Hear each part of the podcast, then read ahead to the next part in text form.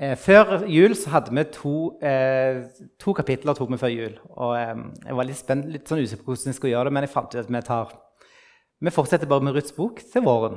Så det gjør vi. Og nå er det vår, er det ikke det? Vårsemester, i hvert fall. Eh, og kapittel tre har vi kommet til, og der har jeg lagt tittelen 'Et risikabelt frieri'. Og før jeg begynner, så har jeg bare lyst til å spørre dere, for Det er jo ganske mange av dere som sitter her men det er noen få som ikke er gift. Er det noen som husker frieriet? Hermod husker det. Hvor var du hen da du fridde, Hermod? Jeg var i Røyksund. I Røyksund, ja. Det er bra. Ja. Å ja, det var jo et, et sånn treffende navn. Jeg var på Fantoft. Det var Kristine òg, håper jeg. eh, var dere nervøse når dere skulle fri? Jeg var, jeg var, altså veldig nervøs, og jeg hadde bestemt meg for fri. Og det, når jeg tenker på det i dag, så tenker jeg hallo, vi hadde jo bare vært kjærester i et halvt år. så um, sånn er det. De som hører på podkast etterpå, så et halvt år, det kan gå fint. Men så fridde jeg, og, eh, men jeg fikk ja, så det gikk jo bra, da. Men det var jo på en måte litt risikabelt, for jeg kunne jo sagt nei. Lurer på hvordan jeg hadde reagert da. Så nei, jeg vil ikke. Ops. Men i dag skal vi møte altså eh, et frieri i kapittel 3 i, eh, i, denne fine boken som heter Ruds bok. Og det er kapittel 3. Jeg lurer på om vi skal bare lese hele kapittel 3 i sin sammenheng først. Jeg. Eh, skal vi se, Da må jeg jo finne den. Det er altså i Bibelen etter Dommernes bok. Så da kommer vi til den fine boken Ruths bok, kapittel 3. Og der står det Naomi, Ruths svigermor, sa til henne, Min datter, skulle jeg ikke forsøke å skaffe deg et hjem, så du kan få det godt? Hør, Boas er jo vår slektning, og det var hans tjenestejenter du var sammen med. Nå i natt kaster han bygg på treskeplassen. Eh, du skal vaske deg og salve deg. Ta så på deg fine klær og gå ned til treskeplassen. Men gi deg ikke til kjenne for, han, eh, for ham før han er ferdig med å spise og drikke. Når han legger seg, skal du merke det stedet hvor han ligger. Gå så bort, ta teppet vekk fra føttene hans og legg deg der så vil han selv si deg hva du skal gjøre. Da svarte hun, jeg skal gjøre alt det du sier. Hun gikk ned til treskeplassen og gjorde alt slik som hennes svigermor hadde sagt henne. Boas spiste og drakk og ble glad til sinns. Så gikk han og la seg ved kanten av kornhaugen. Da smøg hun seg fram, tok teppet vekk fra føttene hans og la seg der. Ved midnattstid kvakk mannen til. Han bøyde seg fram og så det lå en kvinne ved føttene hans. 'Hvem er du?' spurte han. 'Jeg er Ruth, tjenestekvinnen din', svarte hun. 'Bre kappen din over meg, for du er løsningsmann.' 'Velsignet er du av Herren min, datter.' 'Du har vist enda større trofasthet enn før' ved ikke å gå etter de unge mennene, verken de fattige eller de rike.' Og nå, min datter, vær ikke redd, for alt det du sier, vil jeg gjøre for deg. For alle som bor i byen, vet at du er en hederlig kvinne. Det er sant at jeg er løsningsmann, men det er en annen løsningsmann som er nærmere enn jeg. Sov her i natt, og hvis han eh, i morgen vil løse deg ut, så la han det. Men hvis han ikke vil løse deg ut, skal jeg gjøre det selv så sant Herren lever. Bli bare liggende til i morgen tidlig. Hun ble liggende ved føttene hans til om morgenen. Men hun sto opp før folk kunne dra kjensel på hverandre, for hun sa til seg selv, det må ikke bli kjent at kvinnen kom til treskeplassen. Så sa han, kom hit med sjalet du har på deg, og hold det, hold det fram. Og da hun holdt sjalet fram, målte han opp seks mål bygg og la det på henne. Deretter fikk, eh, gikk han inn i byen. Da Ruth kom til sin svigermor spurte hun, 'Hvordan gikk det med deg, min datter?' Og hun fortalte henne alt det mannen hadde gjort mot henne, og la til, 'Disse seks mål bygg ga han meg, for han sa:" Du skal ikke komme tomhendt hjem til din svigermor. Da sa Naomi, Hold deg nå i ro, min datter, til du får vite hvordan saken faller ut. For den mannen unner seg ikke ro før han får saken ordnet, og det allerede i dag. La oss be en kort bønn. Gode himmelske Far. Igjen har jeg lyst til å takke deg for ditt ord. Takk at vi får lov til å lese det studere det.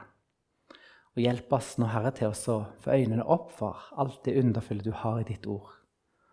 Hjelp oss til å se, Herre, din nåde, din kjærlighet. Og velsign oss, Herre. Amen.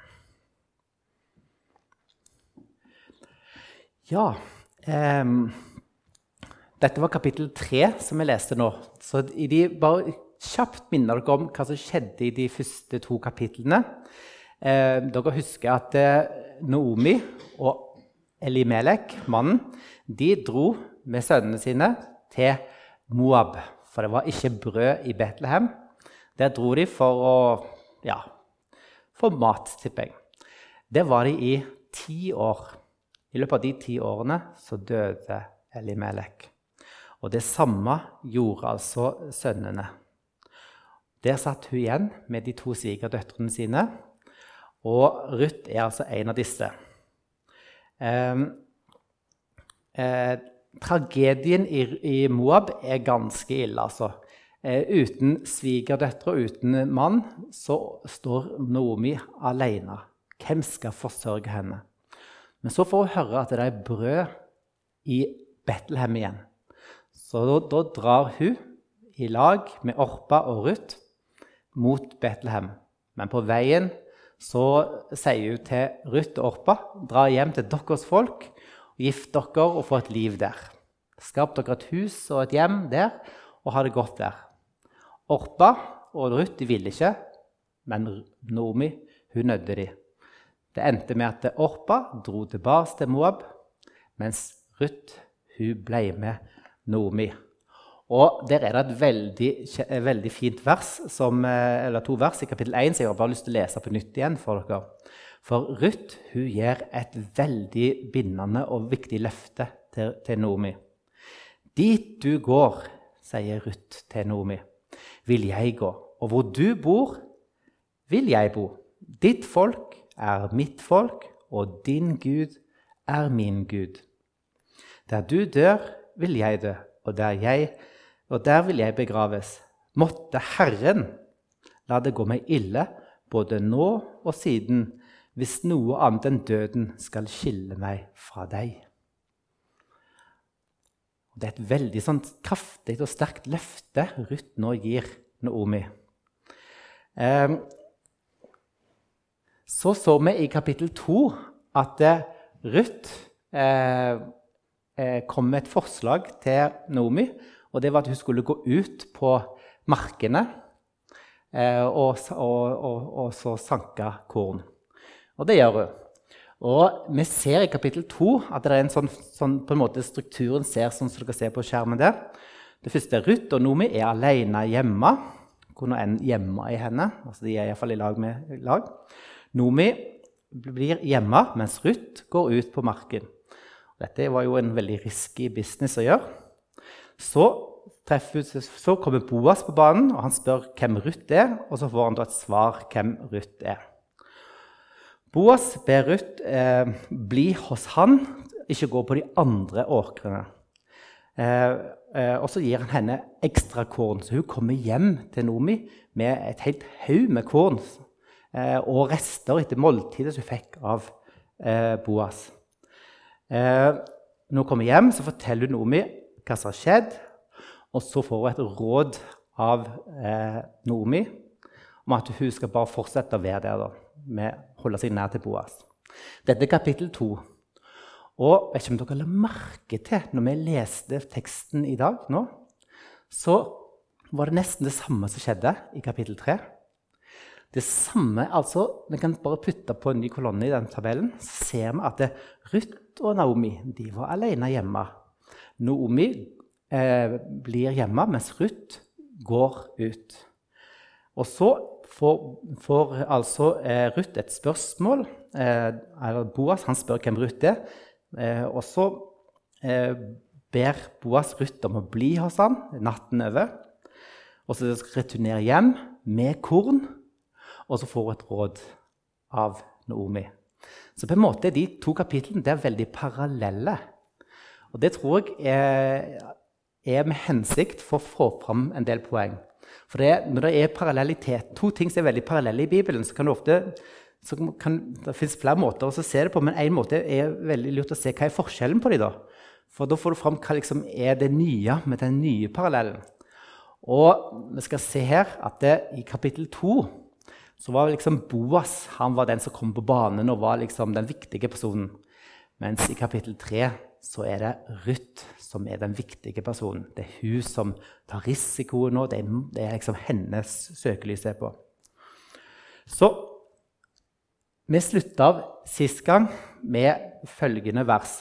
Så holdt hun seg nær tjenestejentene til Boas og sanket aks til bygghøsten og hvethøsten var over. Hun ble boende hos sin svigermor. Og, og, Kanskje ikke vi reagerer sånn på det verset der, men det ligger altså det ligger altså et stort problem her. Ruth og Naomi var skikkelig fattige. De hadde jo ingenting. De måtte dra til, til, hjem fra Moab for å kunne klare å brødfø seg. Og Ruth måtte ut og sanke korn langs kantene.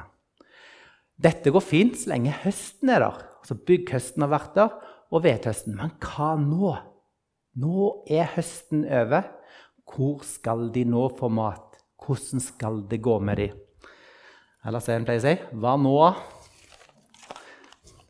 Så eh, de var fattige, og da ser vi i kapittel 1, vers 1 Naomi, Ruths svigermor, sa til henne, 'Min datter, skulle jeg ikke forsøke å skaffe deg et hjem, så du kan få det godt?' Naomi ønsker alt godt for Ruth.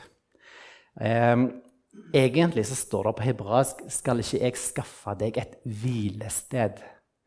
Men hva er ikke et hjem annet enn et, en plass der du kan hvile, være trygg? Dette ønsker altså Naomi for Ruth. Men hvordan? Hvordan skal dette foregå? Det, det, er ikke, det, er ikke, noe vi vet sikkert, men det kan tydes på at det har vært friere på ferde allerede til Ruth.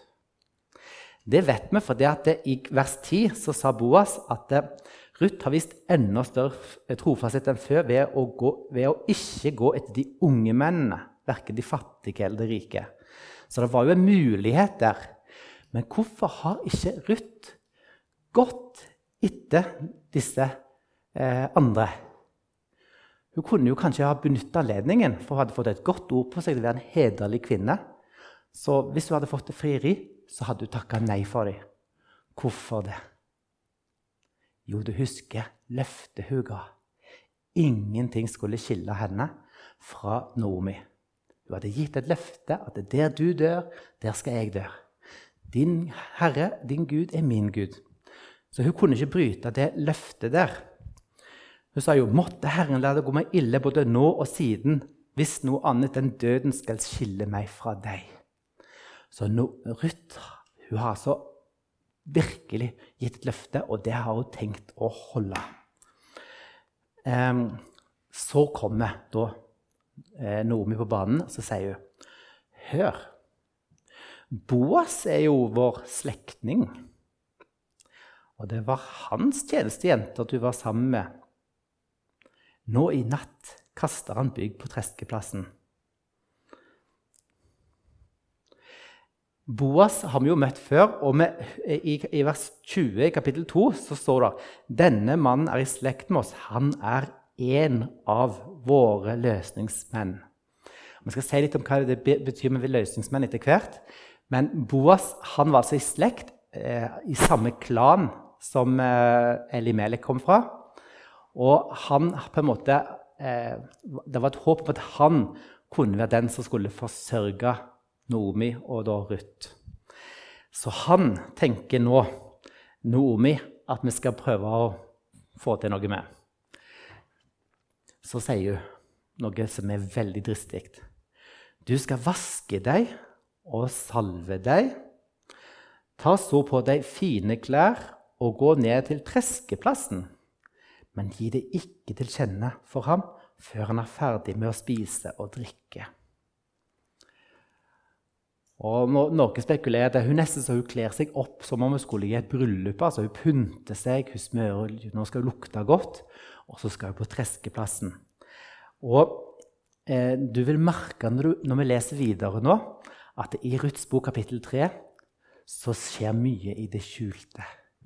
Det er en listig plan, det er mørkt, og det er i hemmelighet. Alt foregår veldig diskré. Legg òg merke til et ord eller et uttrykk som går igjen åtte ganger. Jeg vet ikke om dere har lagt merke til det. Men dere ser her i neste vers. Når han legger seg, skal du merke det stedet hvor han ligger. Gå så bort, ta teppet vekk fra føttene hans og legg deg der. Så vil han selv si deg hva du skal gjøre. Hele åtte ganger i dette kapittelet så bruker forfatteren ord som beskriver å legge seg ned. Ligge ned. Og det oser litt av forventning om et eller annet bryllup på gang her. Et eller annet i den retningen der. Og noen blir litt satt ut av denne dristige planen til, til Noomi her. For det at det å trekke av, altså åpne, altså vise føttene sant? Det ligger litt noe antydninger til noe som noen tolker som kan være litt uanstendig her. Men det er ingenting i teksten som tyder på at noe uanstendig skjer. Men likevel så er det på en måte et potensial her som, som, eh, er, hens, som er skrevet med hensikt, tror jeg. Og hvordan svarer Ruth på dette dristige forslaget? Gå ned på treskeplassen og legg deg ved føttene til Boas og så tar du av sånn at føttene hans kommer til syne. Oi, oi, oi. Da svarte hun, 'Jeg skal gjøre alt du sier.' Alt det du sier. Ruth hun tror på planen til Nomi og velger å handle i tro. Så går Ruth ut. Og dette her er altså veldig risky business hun holder på med. Så nå går hun til treskeplassen gikk ned til treskeplassen og gjorde alt slik som hennes svigermor hadde sagt henne. Dette er på en måte en slags oppsummering av hva som kommer til å skje. Hun gjorde alt etter planen. Og hvorfor er dette så risikabelt? For det første, eh, at en ugift kvinne går ned på treskeplassen i seg sjøl, er risky business. Husk på når foregår handlingen i Ruths bok? I dommertiden. Og hvordan var det i dommertiden? Vel, Hvis du har mage til det, så kan du lese de siste kapitlene i Dommernes bok, så skjønner du hvordan det var på den tiden. Så det å bare gå på natten og være alene på treskeplassen i lag med disse karene som jobber der, det var risky business. Men det er noe mer enn det, for òg satser hun nå sitt kort på Boas. Og han kan jo avvise henne. Men, men hun tar sjansen og går. Og så leser vi videre. Boas spiste og drakk. Det er det de sier på Jæren. Jeg vet det, men jeg liker det ikke. Det? Han spiste og drakk og ble glad til sinns. Så gikk han og la seg ved kanten av kornhaugen. Da smøg hun seg fram, tok teppet vekk fra føttene hans og la seg der. Ser dere at det foregår i det skjulte? Planen går fram her. Boas, det står at han la seg ved kanten av kornhaugen. Egentlig så står det på, på hebraisk at det er noe sånt som at han la seg ved enden av kornhaugen. Og jeg tror det er hensikten å vise at han la seg litt for seg sjøl. Sånn at når, når, Ruth nå går bort og legger seg der, så er det litt diskré, litt borte der, sånn, så de andre ikke ser hva som foregår. Der legger hun seg nå. ved enden. Eh, de sov jo om natten her eh, da, når de holdt på med den treskingen. fordi de Det ble jo en haug med korn, og de måtte passe på at ikke dyr kom og spiste det, og at ingen kom og stjal det. Så her ligger Boas nå og vokter over kornet. Og så er dere vel spent på, Nå har vi jo lest teksten allerede, så dere vet jo hva som skjer. Men ved midnattstid kvakk mannen til han bøyde seg fram og så at det lå en kvinne ved føttene hans. Legg merke til at det plutselig så står ikke Boas eller Ruth lenger. Der sto mannen og kvinnen. Det er fordi nå er det mørkt, og ingen ser hvem som er hvem. Dette er fra Norsk Bibels oversettelse. Eh, ikke det at jeg skal prøve å brife meg til kan hebraisk, men uh, jeg har prøvd å oversette den sjøl, for den er litt sterkere på grunnteksten. den teksten der. Nå, nå får dere se her hvordan jeg har oversatt det. Og det hendte ved midnattstid at mannen snudde seg og kvakk skikkelig. For se her! Det lå en kvinne ved føttene hans. Sånn høres det mer ut når du leser det på grunnteksten.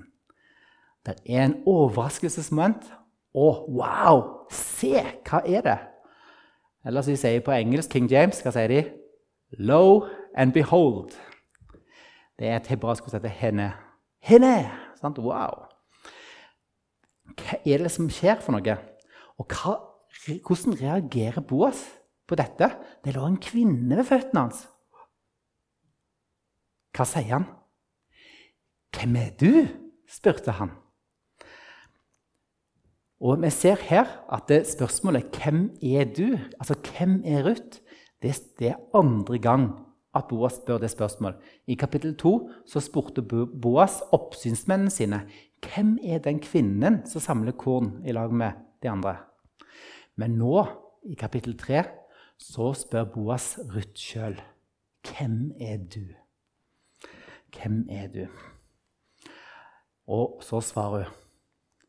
'Jeg er Ruth, tjenestekvinnen din', svarte hun.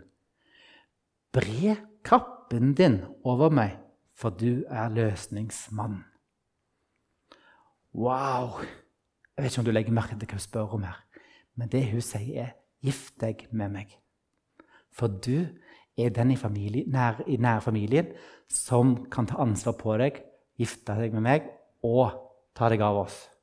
Det var det løsningsmannen bl.a. handla om. Jeg skal si litt mer om det etterpå. Um, egentlig så står det noe sånn som dette på grunnteksten. Ta vingene av kappen din over meg. Uh, og dette med vingene av kappen og sånn, det har vi òg møtt tidligere, nemlig i kapittel 2. For der står det at det Boa sier om Ruth Herren skal lønne deg for det du har gjort måtte du få fullt vederlag for Herren, Israels Gud, når du er kommet for å søke ly under hans vinger. Under hans vinger. Så, så når hun sier at det tar vingene av kappen din, så viser det en måte at det, Ruth hun har nå kommet altså, til Israels land. Og Boas ønsker at hun skal få beskyttelsen av Herren. Men hvem er det som skal gi henne den beskyttelsen som Herren gir? Det er Boas. Det er hans vinger som hun skal komme inn under. Um, legg merke til at uh, Ruth hun kommer til Boas og vil gifte seg med han. Eh, og da kan du tenke seg at det var fordi at Boas han var en skikkelig stilig kar, så hun var blitt litt forelska i. Nei. Dette handler nok ikke om forelskelse. Dette handler rett og slett om løsningsmann og Ruths kjærlighet til Noomi. Eh, dette med løsningsmann er et litt sånn vanskelig begrep, kanskje. Men for å forstå hva vi mener med løsningsmann, så må vi på en måte ta et liten sånn tilbakeblikk på de store linjene i Bibelen. Eh, den som fikk de store løftene i Bibelen, hvem var det? Vi skal finne løftet hans, ja, Abraham. Sant? Abraham fikk løfter av Gud. Og på en måte så pleier folk å si at Abraham fikk tre løfter. på en måte. Okay? Og det ene løftet det var løftet om et land. Så var det løftet om etterkommere, og så var det løftet om velsignelse. Velsignelse og forløsning. Og så Moses han leda folket utover Egypt. Fikk ikke komme inn i landet sjøl. Josva leda de inn. Og hva skjedde da? Jo, de slo lodd om hvor henne de ulike stammene skulle bo. Og når du leser i Gammeltestamentet, så ser du at landet er veldig viktig. Landet er veldig viktig for israelsfolket. Og det var viktig at det var sånn at det fattige ikke skulle på en måte miste landet sitt, sånn at det ble forsvant ut til andre stammer andre folk. Det var en forordning for at familiene skulle bevare landene og eiendommene sine. Og det som skjedde var at Hvis noen ble veldig fattige, på en eller annen måte, så kunne de jo selge landet sitt. Men da hadde de obligasjon på å kunne kjøpe det tilbake igjen. Og det skulle gå syv ganger syv, altså 49 år. Så det 50. året skulle være altså et frigivelsesår. Der eiendommene skulle bli ført tilbake til de som måtte selge dem pga. at de var fattige. Og Hvis de ville kjøpe landet tilbake før den tid, så var det fint. og Da ble prisen regnet ut etter hvor langt det var igjen til frigivelsesåret. Og Det er mye som tyder på når du leser profeten Jeremia for eksempel, sånn, at den praksisen med frigivelsesår ble ikke praktisert. De ignorerte den. Men de hadde altså, dette står i loven, mulighet til å kjøpe tilbake eiendommen sin, at de hadde rett til det, og at prisen var satt etter hvor langt det var igjen til denne tiden. Da. Og da er det sånn at Ruth, nei, Naomi og Elimelek de hadde jo solgt sin eiendom og dratt til Moab. De hadde ikke brukt for så mye penger i Betlehem, for det var jo ikke brød der å få. Så de solgte eiendommen sin og dro til Moab. Nå er vi kommet tilbake igjen. Det er gått ti år pluss pluss, kanskje. Nå, har de hadde det vært veldig fint å få den tilbake igjen. Og måten det kunne gjøre, var, var at de, hvis de ikke hadde råd sjøl, så kunne en annen i slekten kjøpe eiendommen for dem. Altså forløse den for dem. Men for at Boas han, han altså går med på egentlig at han skal gjøre det og gifte seg med Ruth. På den måten er det ikke bare landet som kommer tilbake igjen til familien til Elimelek. Men Boas vil òg sikre etterkommere. Og på den måten så blir det òg, vil vi se, velsignelse. For vi vet hvem som er etterkommeren til Boas og Ruth. Det er David, som igjen på en måte bild peker fram mot den salvede Kristus Jesus som skulle komme. Han som alle velsignelsene vi har alle velsignelsene i. Så eh, er det jo sånn at Naomi kunne jo sjøl ikke løse ut et land, for hun var fattig.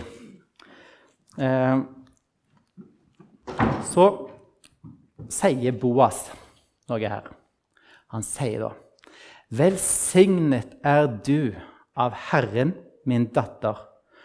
Du har vist enda større trofasthet enn før ved ikke å gå etter de unge mennene, verken de fattige eller de rike. Og her, her ser vi altså at Boas har et veldig bra bilde av Ruth. Han beskriver henne som at hun har vist enda større trofasthet.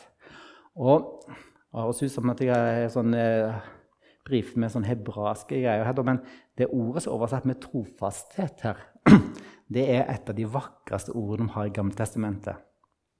Det er resed. Det er altså et veldig rikt ord som jeg nesten skulle ønske at alle bare kunne lære seg. Så kunne de bare skrevet det når det sto. Sånn som det står f.eks. halleluja eller amen. Vi liksom har lært de ordene. Resed det er, det er altså et rikt hebraisk ord som betyr noe sånn som miskunn, kjærlighet eh, osv. Og, det handler om en kjærlighet som er grunna i pakt. Altså at det er grunna i en avtale. Eh, det er den kjærligheten som en ektefelle viser når en hjelper sin ektefelle fordi det er sin ektefelle. Du bare gjør det, for du har en avtale. Og nå er altså Ruth hun har vist en sånn kjærlighet, for hun har en avtale. Hun har løftet, gitt et løfte om at hun skal være med Nomi, samme hva. Og det er denne kjærligheten som nå Boas hedrer henne for.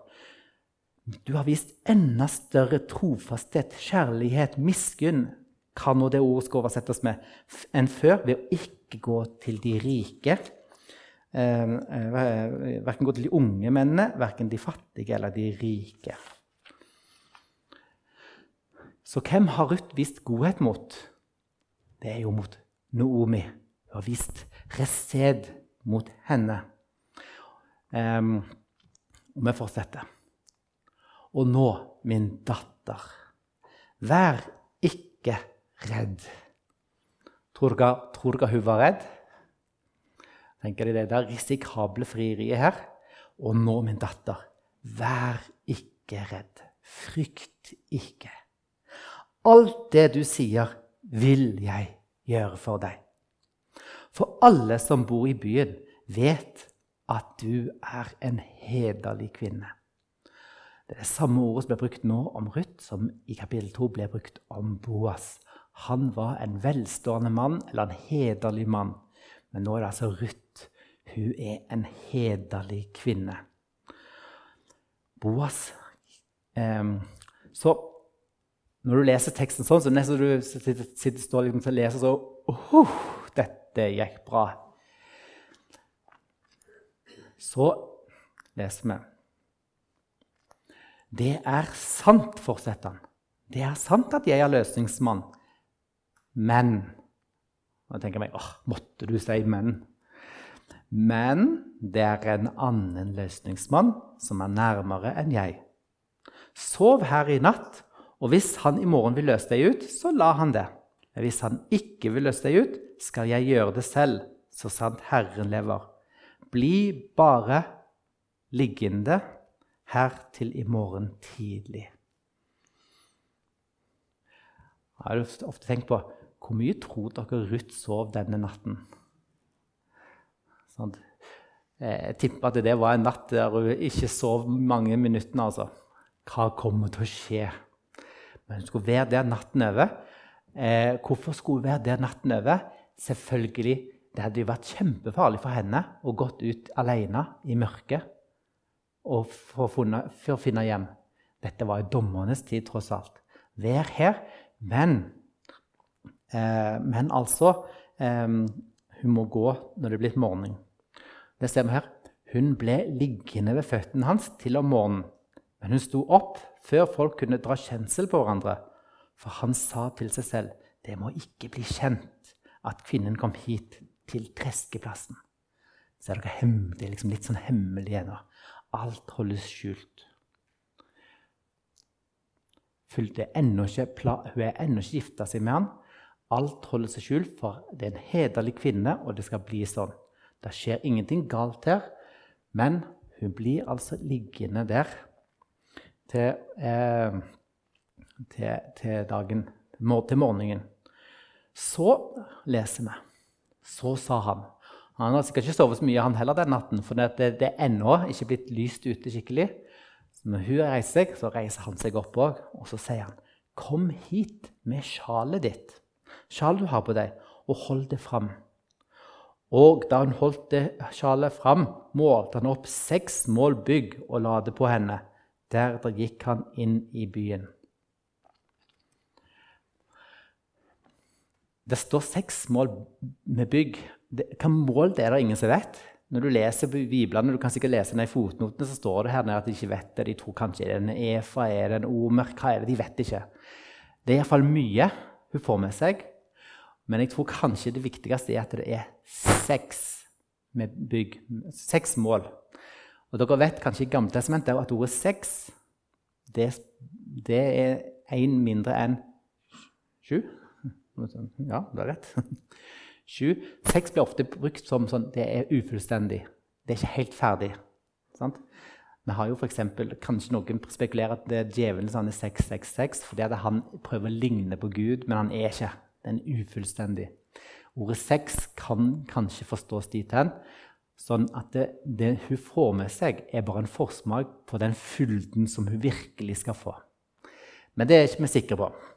Uansett så kom hun hjem til Naomi, som sikkert har sittet hjemme og vært veldig nervøs. Hvordan har dette gått?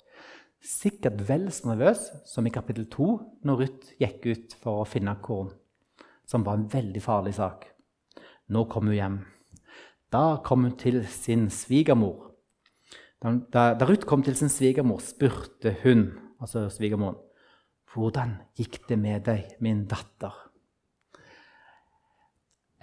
Det står Unnskyld at jeg sier det igjen, det høres jo veldig ut sånn, men det står på hebraisk 'Hvem er du, min datter?' Det er det, det er det, som står i grunnteksten. Og det tror jeg har noe med eh, Hvis jeg hadde spurt Kristin hvis vi hadde levd for 100 år siden, 'Hvem er du?', så hadde du kanskje sagt 'Ja, jeg er fru Christensen'. Det hadde du ikke sagt i dag, tror jeg. Mens, eh, men før du gifta deg, så var hun te, eh, det, frøken Theisen. Så jeg tror det den, Hvem er du? Altså, Hvordan har dette frieriet gått? Er det, blir, det, blir det med Boas? Det er det, det. Hvem er du? Og eh, så leser vi Og hun fortalte henne alt det mannen hadde gjort mot henne, og la til.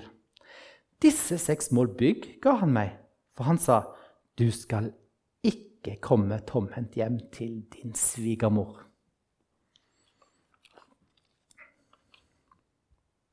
Nå vet Naomi at dette kommer til å gå bra. Hun har fortalt meg alt, så hun vet at det er en annen forløser. Men da sa Naomi, 'Hold deg i ro, min datter, til du får vite hvordan saken faller ut.' For den mannen unner seg ikke ro før han får saken ordnet, og det allerede i dag. Og det fikk vi forvarsel på tidlig om morgenen. For hva var det Boas gjorde? Han gikk inn i byporten. Han gikk inn i byen. For han har noe han må ordne. Det er kapittel fire. Denne teksten her er jo veldig fin å lese. Det er en kjærlighetshistorie. Ikke en kjærlighetshistorie først og fremst mellom Boas og Ruth, men en kjærlighetshistorie mellom Ruth og Naomi. Ruth viser en trofasthet og en kjærlighet til Ruth som overgår mye.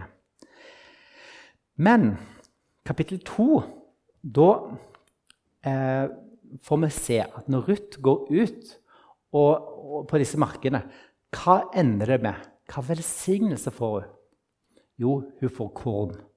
Hun kommer hjem med masse mat. Kapittel 3 har en annen tone.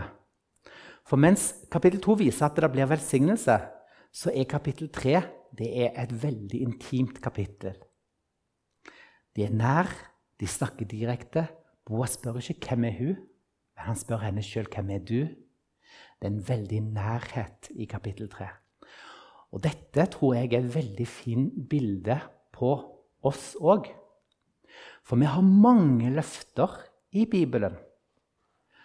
Eh, historien her er ikke tilfeldig designa. Altså det, ikke at det er bare designa, jeg tror det virkelig har skjedd. alt dette her. Men måten det er skrevet på, er for å vise oss noe om oss. Vi er jo òg fremmede i utgangspunktet. Vi er uten Kristus. Vi er syndere. Vi er i fremmedland. Men så har vi fått lov til å komme tilbake til landet, altså inn i Guds rike. Men nå er det sånn at noen de snakker veldig mye om de velsignelsene Herren gir. Og det er på en måte litt det som skjer i kapittel 2. Det kan være mange velsignelser ved å være en kristen. Det kan være mange ting som er vanskelig òg, men det er mange velsignelser òg. Men kapittel 3 viser oss at det handler ikke bare om å få velsignelser og det ene og det andre, men det handler om intimitet, en relasjon. Den viser oss at den paktskjærlighet Gud viser oss, ikke bare at han vil gi oss gaver, men han vil ha fellesskap med oss. Derfor beskriver Bibelen oss som en brud. Det syns jeg er litt rart å si sjøl, at jeg, liksom, ja, jeg er en del av bruden. Men likeså bildet er der. Vi er en brud, og Kristus er brygdommen. Vi har løfter, og vi skal få lov til å bli tatt hånd om. Kristus er vår løsningsmann. Han er den som gir oss del i Guds rike, som frikjøper oss fra synden. Og Nå når vi lever på jorda, så er det ikke alltid at ting er så lett. Men på samme måte som mens nå Ruth må vente til alt har ordna seg, og kanskje den dag i dag Vi får lese videre i kapittel 4. Så er det sånn at vi har løfter. Men vet vi at løftene holder? Hvordan visste Naomi at løftene gjelder? At hun var så trygg på at dette kommer til å ordne seg? Hoho. Hvordan visste du det? Hva tegn hadde du på at dette kom til å gå bra? Jo, hva var det når kom, Ruth kom hjem med? Masse korn. Det er på en måte en forsmak på det som skulle komme. Og På samme måte er det oss, med oss òg. I Efeserbrevet kapittel 1 så ble, så, ble, så ble, Den hellige ånd beskrevet på følgende måte. Han er pantet på vår arv inntil Guds eget folk blir forløst, til lov og pris for Hans herlighet. Den hellige ånd er på en måte garantien for det som skal komme for oss. Han er pantet på vår arv. Vi er allerede frikjøpt fra synden. Romerbrevet kapittel 3, vers 23 og 24. For alle har syndet og mangler Guds herlighet. Men ufortjent og av Hans nåde blir de kjent rettferdige, frikjøpt i Kristus Jesus. For å frikjøpe oss så kom Jesus til jorda. Ble et menneske som feirer nå julen. Ble et menneske, levde et helt rettferdig liv. Og på den måten han ble vår bror, vår forløser. Og han betalte prisen som vi skylder, på korset. Han døde der. Han er vår forløser. Og han viser oss den kjærligheten ikke fordi vi er så elskverdige. Det er en resed-kjærlighet. Det er en bindende kjærlighet Gud har. Det er en kjærlighet som sier at 'jeg vet at du falt i går', men jeg elsker deg. Jeg døde for deg. Jeg har bundet meg til deg. Det er ikke avhengig av hvordan du ser på deg sjøl. Resed. Jeg har bundet meg til deg. Himmelske Far, jeg har så lyst til å takke deg for din trofasthet og din godhet og din nåde og miskunn, Herre. Takk at du har gitt oss ditt ord og hjelper oss til å se, Herre, hvordan du elsker oss, og hvordan du er. Og hjelp oss, Herre, til å være takknemlige for alt det du har gitt oss. Herre, jeg takker deg for alle som er her i dag. Hjelp oss alle til å se enda mer hva du har for oss. Herre, hjelp oss å ha glede i ditt ord og i den du er. Amen.